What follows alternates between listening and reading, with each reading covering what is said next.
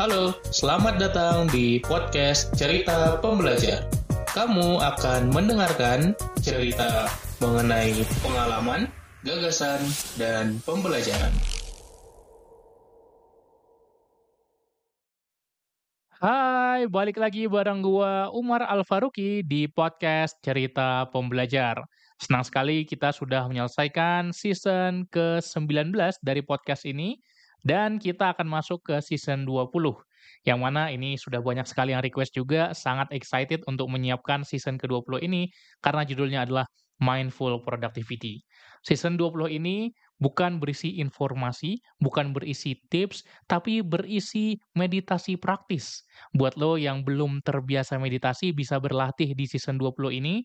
Buat lo yang pingin melatih keterampilan mindfulness lo, bisa banget gunakan season ini gue akan membagikan track-track meditasi yang gue siapkan sendiri untuk lo bisa produktif. Ada banyak sekali berbagai guided meditation audio di luar sana, podcast dan video yang membahasnya, tapi di podcast ini kita membahas meditasi khusus untuk produktivitas. Gimana kita bisa melatih mindfulness kita untuk bisa jadi lebih produktif maka akan ada banyak sekali track dan guided audio beserta semua sudah kita siapkan suaranya, bagaimana background musiknya, sound effects-nya. Nanti lo tinggal nikmatin aja dan seperti biasa, satu season 30 episode, jadi lo sangat beruntung karena lo akan mendapatkan 30 track meditasi yang bisa lo akses setiap harinya. Tentu saja episode ini bukan menjadi episode-episode yang sekali lo dengar. Episode-episode yang akan ada di season 20 ini adalah episode yang lo simpan, yang lo pakai setiap hari, yang lo ulang-ulangi terus. Kenapa? Karena mindfulness perlu dilatih. Emangnya ada nggak sih kaitan antara mindfulness dan meditation dengan produktivitas. Oh, banyak banget. Karena esensi dari mindfulness adalah kita hadir penuh dan sadar utuh. Kita jadi fokus, kita jadi konsentrasi, kita jadi benar-benar masuk ke flow state dan produktif banget. Bahkan gue pernah record podcast sebagai salah satu narasumber di podcastnya temen gue namanya Samara. Silahkan bisa dicari juga Meditate with Samara, channel podcastnya, di tahun 2022, berarti dua tahun yang lalu. Dan pada kesempatan kali ini gue pengen bagikan audio podcastnya buat lo. Jadi lo bisa dengerin langsung apa kaitannya mindfulness meditation dengan produktivitas. So, enjoy the podcast.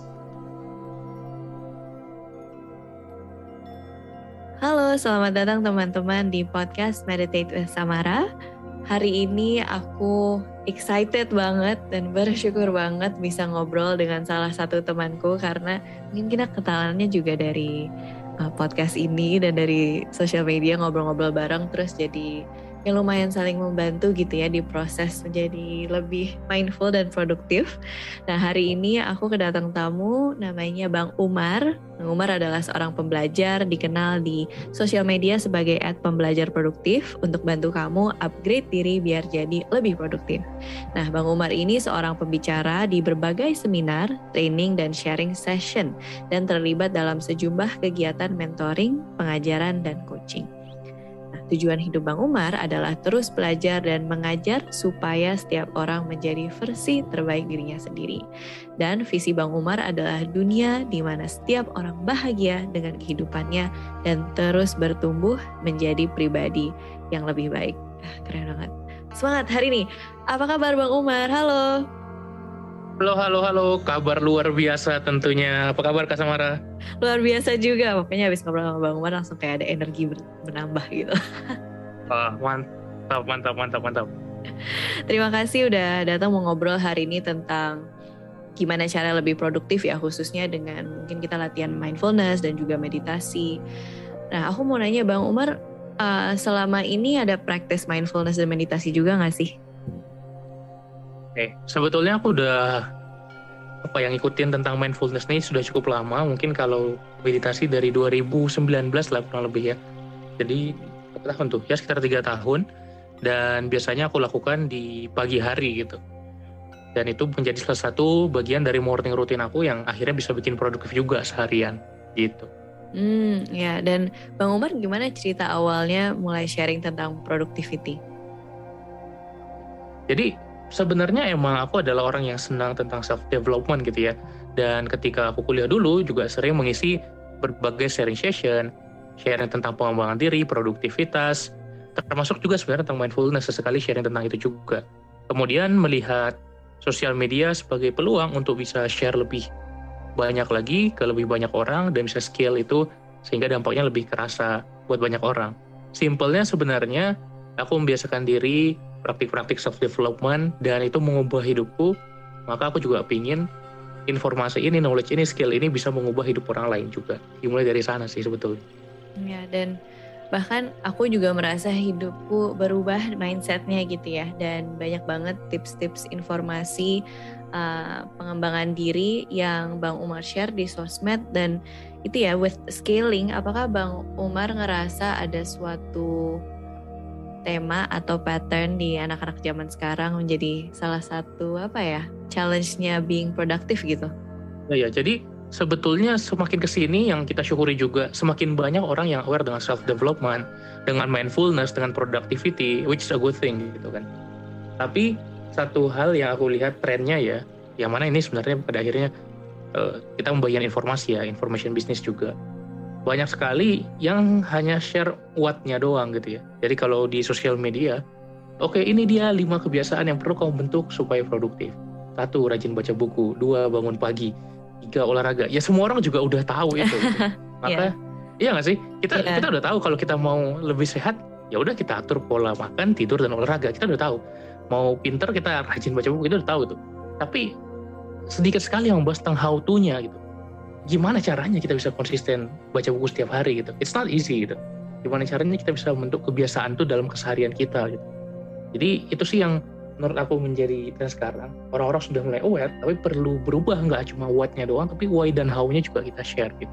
Hmm ya dan why-nya itu butuh ini nggak sih? Kayak refleksi diri, kontemplasi, nanya ke diri sendiri. Dan how-nya juga butuh apa ya? Konsistensi apa gimana menurut Bang Umar? Ya betul. Jadi why itu kan ya apa alasan kita gitu kan, our reason, our purpose, our meaning, yang pada akhirnya membuat kita mau upgrade diri, membuat kita mau mencoba jadi lebih baik gitu. Dan how-nya itu lebih banyak ke metodenya, tekniknya gitu, dan dan banyak banget sebetulnya gitu. Misalnya uh, salah satu topik yang sering banget aku bahas adalah tentang habit gitu ya, membangun hmm. kebiasaan. Ya udah, orang tahu what-nya apa habit yang mau dibentuk. Gitu tapi satu level selangkahnya lagi, why-nya kenapa harus bentuk habit tersebut? Seberdampak apa kalau kita punya habit tersebut ke hidup kita? Dan lebih deep lagi, gimana caranya membentuk kebiasaan yang akhirnya bisa bertahan lama, nggak semangat di awal doang. Nah nanti masuklah di situ uh, teknik-teknik habit yang ada kaitan dengan neuroscience juga sebetulnya, yang akhirnya memudahkan kita membentuk kebiasaan tadi gitu. Hmm. Dan di setiap bidang pengembangan diri, pasti ada itu how-nya dan why-nya yang perlu kita share juga. Termasuk di mindfulness juga kan banyak ya Samar sering sharing juga teknik-teknik uh, meditasi gitu kan yang banyak sekali yang mungkin jarang orang tahu gitu. Tapi orang tahu nih oke okay, aku mau bentuk kebiasaan mindfulness kebiasaan meditasi. Tahu what-nya gitu loh tapi how-nya juga harus sering kita bagikan gitu. Iya Betul betul. Karena aku juga sering merasa itu ya sama mungkin komunitas teman-teman yang baru mau mulai meditasi gitu. Mulai ada hmm. kesulitan aduh eh, nggak uh, bisa duduk diam lama nih atau merasa oh harus duduk diam aja. yep. terus uh, jadi manfaat untuk meditasinya jadi nggak optimal gitu. Mungkin ngerasain oh. sesaat gitu ya tenang tenang gitu. Terus habis itu pas ada masalah di kehidupan langsung kayak ah kok meditasinya tidak tidak ter, tidak bermanfaat gitu. Tapi kan ada yang lebih deeper lagi. Nah kalau Bang Umar tadi sharing pagi-pagi sering meditasi, tapi selama ini manfaat yang dirasakan Bang Umar apa sih buat udah latihan meditasi, mindfulness udah sama kurang lebih tiga tahun? Uh, yang paling pertama sih pasti lebih mindful ya. Dan akhirnya jadi tahu apa sebenarnya purpose aku, apa sebenarnya yang aku ingin kejar, apa yang sebenarnya aku ingin lakukan di hari itu. Dan ternyata dikombin dengan journaling juga biasanya di pagi hari. Nah akibatnya apa? Akibatnya kalau aku berhasil ngelakuin satu set yang rutin aku, termasuk meditasi dan journaling tadi, seharian tuh jadi lebih produktif, seharian tuh jadi punya schedule yang jelas, punya target-target yang jelas, dan akhirnya di akhir hari puas menjalani hari tersebut tuh. Jadi itu kayak eh, kita nge-starter mesin gitu loh. ketika aku berhasil melakukan di pagi hari aku siap menjalani dari pagi sampai petang gitu udah terinspirasi loh. Aku kayak udah aku udah gak sabar pagi untuk mulai ini lebih besok gitu. Tapi seperti bang Umar cerita kali ya salah satu challenge semangat semangat di awal terus abis itu uh, mungkin sulit untuk sustainnya atau mungkin challenging beberapa orang kalau belum tahu caranya. Dan buat Bang Umar apa motivasi utamanya untuk bisa konsisten membentuk habit ini?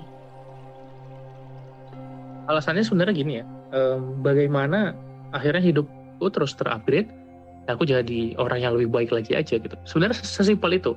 Jadi hmm. dari beberapa praktik yang aku lakukan, aku terapkan dan emang berubah ke hidupku juga berubah pada akhirnya gitu.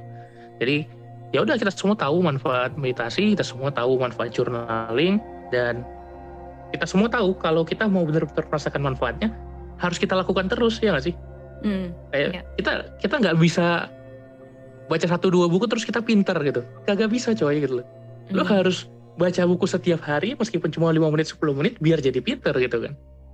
Kita nggak bisa uh, nge-gym sehari dua hari gitu kan atau olahraga sehari dua hari terus kita jadi sehat dan bugar. Enggak gitu gitu. Tapi the continuous process yang kita lakukan setiap hari yang bikin kita sehat dan bugar gitu. Sama juga ketika kita mau jadi mindful, nggak bisa hanya sehari dua hari beberapa kali nyoba meditasi terus kita merasa kesulitan, kita merasa susah, kita merasa uh, gagal mengendalikan pikiran kita, ya akhirnya nggak jadi mindful juga. Tapi melakukannya setiap hari sehingga menjadi kebiasaan yang rutin itu yang akan buat kita lebih mindful gitu. Jadi hmm. apa pun yang kita lakukan dalam pengembangan diri itu harus continue. Itu sih yang aku uh, percayai gitu ya nggak bisa sekali dua kali doang gitu ya betul dan tadi bang Umar uh, sempat singgung tentang upgrade diri ya. Uh, dan kalau aku ngelihat di Instagramnya bang Umar juga tulisannya tuh upgrade hidup dan karir. Dan aku pas ngeliat ini kayak wow gimana caranya bisa upgrade hidup dan karir? Aku penasaran makna upgrade hidup dan karir ini apa sih buat bang Umar? Oke, jadi sebetulnya dulu aku juga mainly yang aku share adalah self development ya itu jadi payung besarnya self development gitu. Dan kalau ditanya speciality-nya di mana? Ya di productivity. Nah tapi di self development ini yang aku perhatikan dari aku bikin berbagai kelas dan program orang-orang yang ikut kelas dan program aku ya pengen upgrade hidup dan karir dan akhirnya mereka merasakan manfaatnya itu saya sekarang memang sedang berfokus di bagaimana kita mencoba merancang kembali desain lagi hidup dan karir kita misalnya tidak peta karir ke depan kemudian apa-apa saja kebiasaan yang mau kita masukin, kompetensi-kompetensi apa yang mau kita buat dalam hidup kita, life curriculum aku nyebutnya. Dan pada akhirnya itu semua ada di self development gitu loh. Itu semua ada di uh, coveran self development gitu, yang mana nanti isinya banyak lagi sebetulnya. Tapi pada akhirnya tujuan kita kan untuk bikin hidup kita yang lebih baik kan, untuk bikin karir kita yang lebih baik gitu loh. Jadi kita nggak bisa mencoba untuk menjadi lebih baik gitu ya, tanpa punya tujuan untuk hidup yang lebih baik atau karir yang lebih baik gitu. Salah satu yang aku pelajari dari salah satu course yang aku ikutin tentang meditasi Emily Fletcher kalau nggak salah namanya. Jadi tujuannya bukan untuk jadi orang yang jago meditasi gitu, orang yang jago mindfulness, tapi bagaimana meditasi membuat kita jago dalam hidup kita gitu. Tujuannya bukan kita menjadi orang yang jago banget di health and fitness gitu bagaimana kita jadi sangat baik di sana enggak tapi dengan membiasakan health and fitness membuat kita jadi lebih baik dalam hidup kita gitu jadi upgrade hidup dan karir itu sebagai tujuan akhirnya sebagai goalnya. Yang mana banyak caranya untuk mengejar ke arah sana gitu ya. Kalau mentorku bilang ada 4 R gitu ya. Bidang pemateri ada tubuh kita gitu kan our body atau raga gitu kan our mind atau rasio ada our heart atau rasa sama our soul atau religi gitu. Jadi banyak orang yang hanya mengambil satu bagian saja dari 4R tadi, raga, rasio, rasa religi, akhirnya bisa mengubah hidupnya semua gitu. Jadi sebenarnya hmm. banyak sekali cara-cara, tapi akhirnya bagaimana hidup dan karir kita jadi lebih baik, itu sih. Iya, dan aku resonate sih benar karena kadang kita suka mikir, oh aku harus pinter banget nih meditasinya aku banyak beberapa klien yang kayak gitu gitu uh, hmm. tapi kadang melupa sama the bigger intention dan application karena sekarang suka ada kesalahpahaman bahwa meditasi itu hanya saat kita duduk diam aja. Padahal selama hmm. kita sadar itulah kita meditasi gitu. Kayak aku lagi ngobrol sama Bang Umar. Kayak sebenarnya ini juga meditasi asal aku sadar buat teman-teman yang lagi dengerin gitu. Kalau lagi sadar dengan suara kita apa yang lagi dirasakan itu juga meditasi. Dan sebenarnya meditasi itu kayak latihan juga. Yang latihan biar kalau misalkan ada apa pun ya challenge dalam kehidupan atau ada konflik kita bisa lebih mengatasi dengan uh, rasio ya kalau tadi bahasanya lebih dengan pakai logika yeah. mungkin juga dengan pakai hmm. lebih banyak rasa heart gitu jadi um, it's a really good reminder sih bahwa practice mindfulness dan meditasi yes in essence dia bagus buat kita tapi juga ada konteksnya yang bisa buat bantu kita lebih produktif dan hidupnya juga jadi lebih apa ya lebih bahagia. Betul. Gimana menurut Bang Umar? Ya. Ya betul. Jadi uh, yang pada akhirnya aku lakukan dan aku bagikan itu adalah yang aku rasakan sendiri.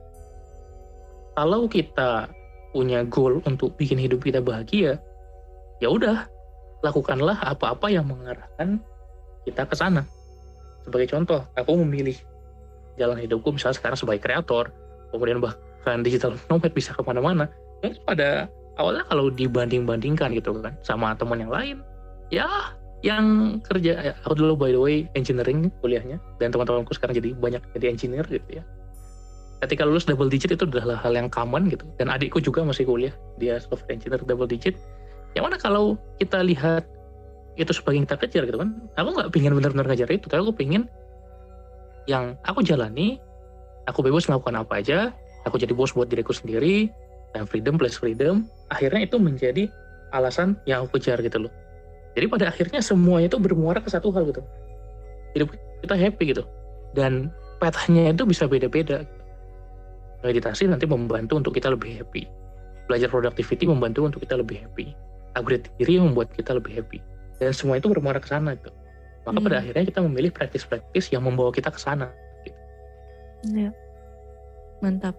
Dan praktis-praktis yang Bang Umar lakukan pagi-pagi ini apa? Aku ingat kita pernah ngobrol gitu ya dulu.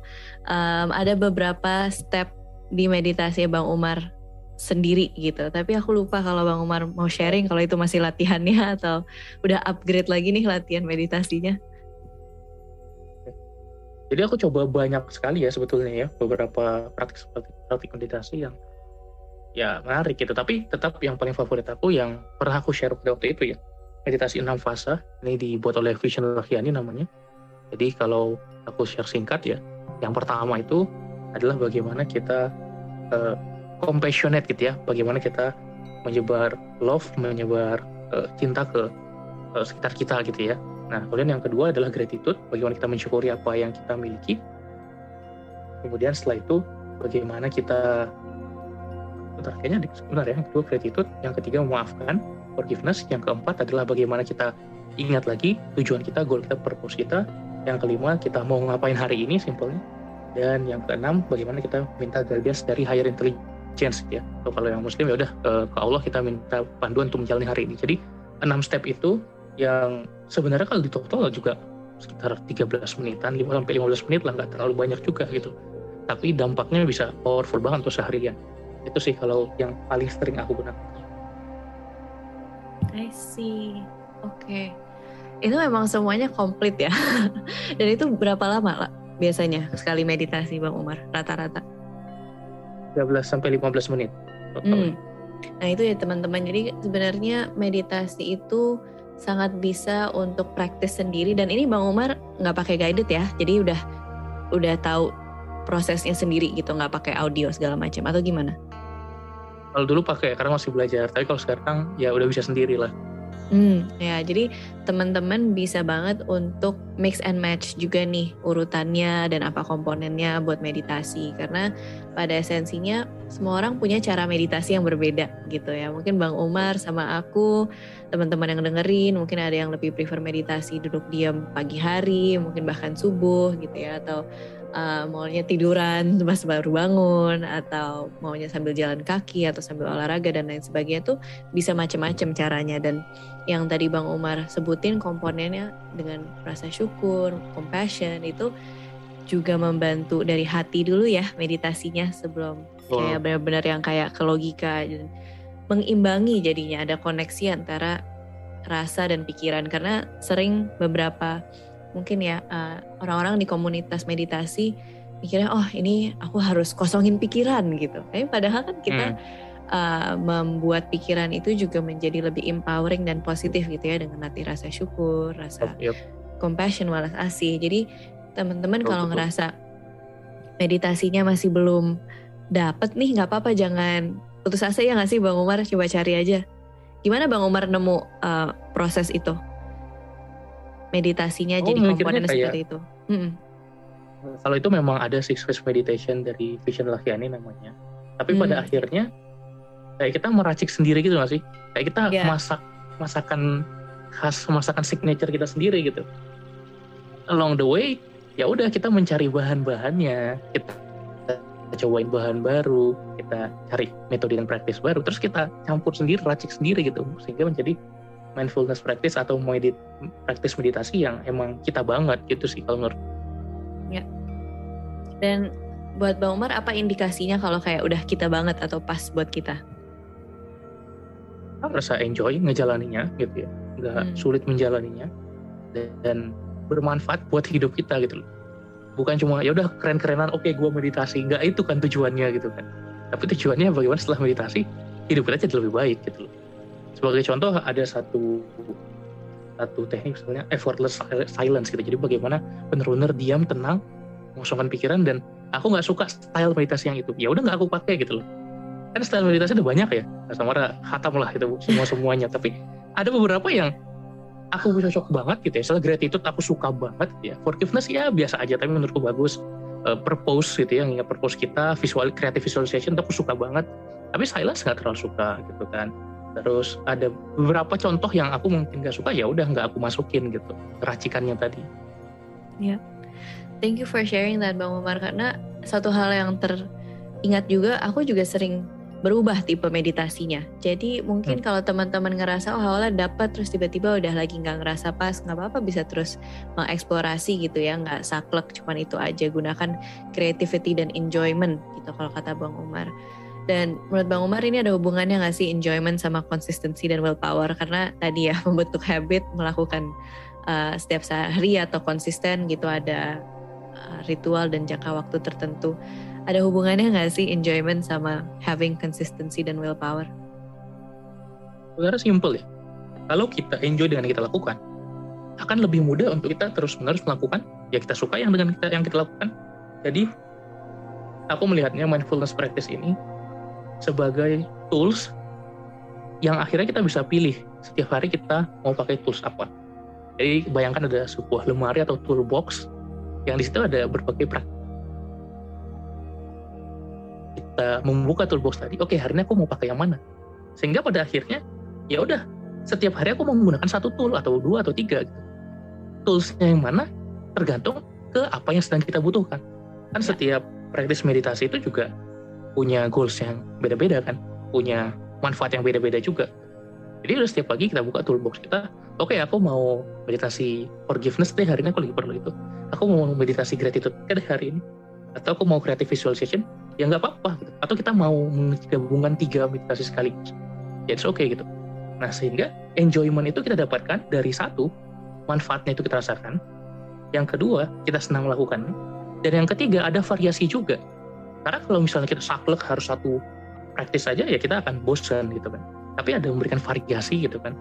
Kalau di learning management kan gamifikasinya ada gitu kan. Sehingga dengan ketiga hal tadi, enjoymentnya bertubi-tubi membuat kita lebih mudah menjaga kebiasaan dan konsistensinya tadi gitu. Wah, oke, okay, aku ter terinspirasi dan semangat gimana teman-teman uh, boleh cekin dengan perasaan yang masing-masing saat ini apa yang dirasakan gitu. Dan mungkin kalau udah mulai semakin terinspirasi dan semangat, mungkin Bang Umar ada practical tip ya? Satu hal mudah, simple yang bisa dilakukan oleh pendengar biar bisa lebih mindful, biar bisa lebih produktif setelah dengerin podcast episode bareng Bang Umar ini. Oke, okay coba lakukan satu mindfulness practice aja setiap hari. Mulai dari 2 menit sehari, 5 menit sehari, dan bentuk dulu menjadi kebiasaan. Lama-lama bisa dikembangkan dari sana. Mindfulness practice-nya apa? Ya silahkan cari dan silahkan pilih yang cocok buat kita. Mungkin ketika awalnya trial and error gitu ya. Tapi lakukan aja satu. Kalau tadi contohnya creative visualization, mau gratitude, mau purpose, mau forgiveness, silakan cari satu gitu untuk kita lakukan. Yang penting adalah boleh melakukannya beda-beda gitu, tapi yang penting adalah melakukannya every single day. Setiap hari lakukan satu aja satu aja, pakai habit tracker, track satu-satu, dan rasakan akan ada perubahan dalam hidup kita setelah kita mencobanya seminggu, dua minggu, sebulan, dan bahkan lebih lama lagi akan terasa manfaatnya. Gitu sih. Nice. Thank you Bang Umar udah sharing pengalamannya tentang mindfulness, meditasi, ngingetin kita to take action. Simple action aja, 25 menit. Try it out teman-teman. Nanti kalau misalkan ada pengalaman yang mau di-sharing mungkin bisa share ke aku, nanti bisa tag Bang Umar, bisa ngeliat juga Instagramnya at pembelajar produktif, banyak banget tips why, how, what-nya ya buat buat ngebantu Betul. gitu untuk biar bisa lebih produktif. Oke deh, love. Super seneng akhirnya bisa nice. bisa ngobrol sama Bang Umar. Um, aku juga masih mau ngajak main game sedikit lagi nih Bang Umar mau nggak? Oke, okay, let's go. Oke, okay, jadi aku udah siapin lima kata-kata dari caption dan sosmednya Bang Umar. Ini namanya quick fire round. Dan Bang Umar boleh balas dengan satu atau dua kata dan kalimat gitu lah ya buat uh, asosiasi aja. Apa sih yang Bang Umar pikirin dari kata ini? Yes. Siap? Yep, let's go. Satu, sukses.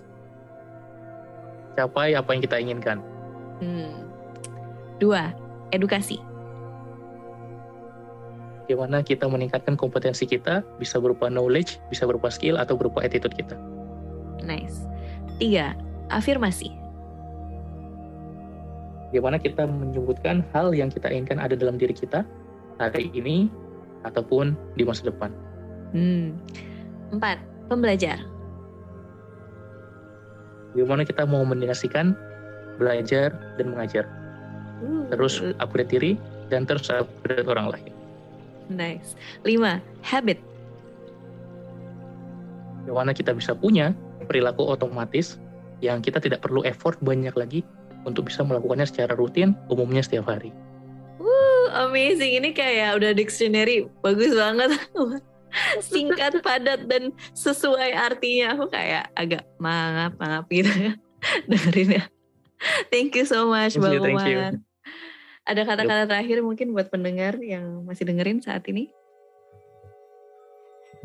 Kalau buat teman-teman yang sudah dengerin gitu ya, kalau dapat knowledge yang mungkin banyak gitu ya, itu dapat knowledge lah hari ini.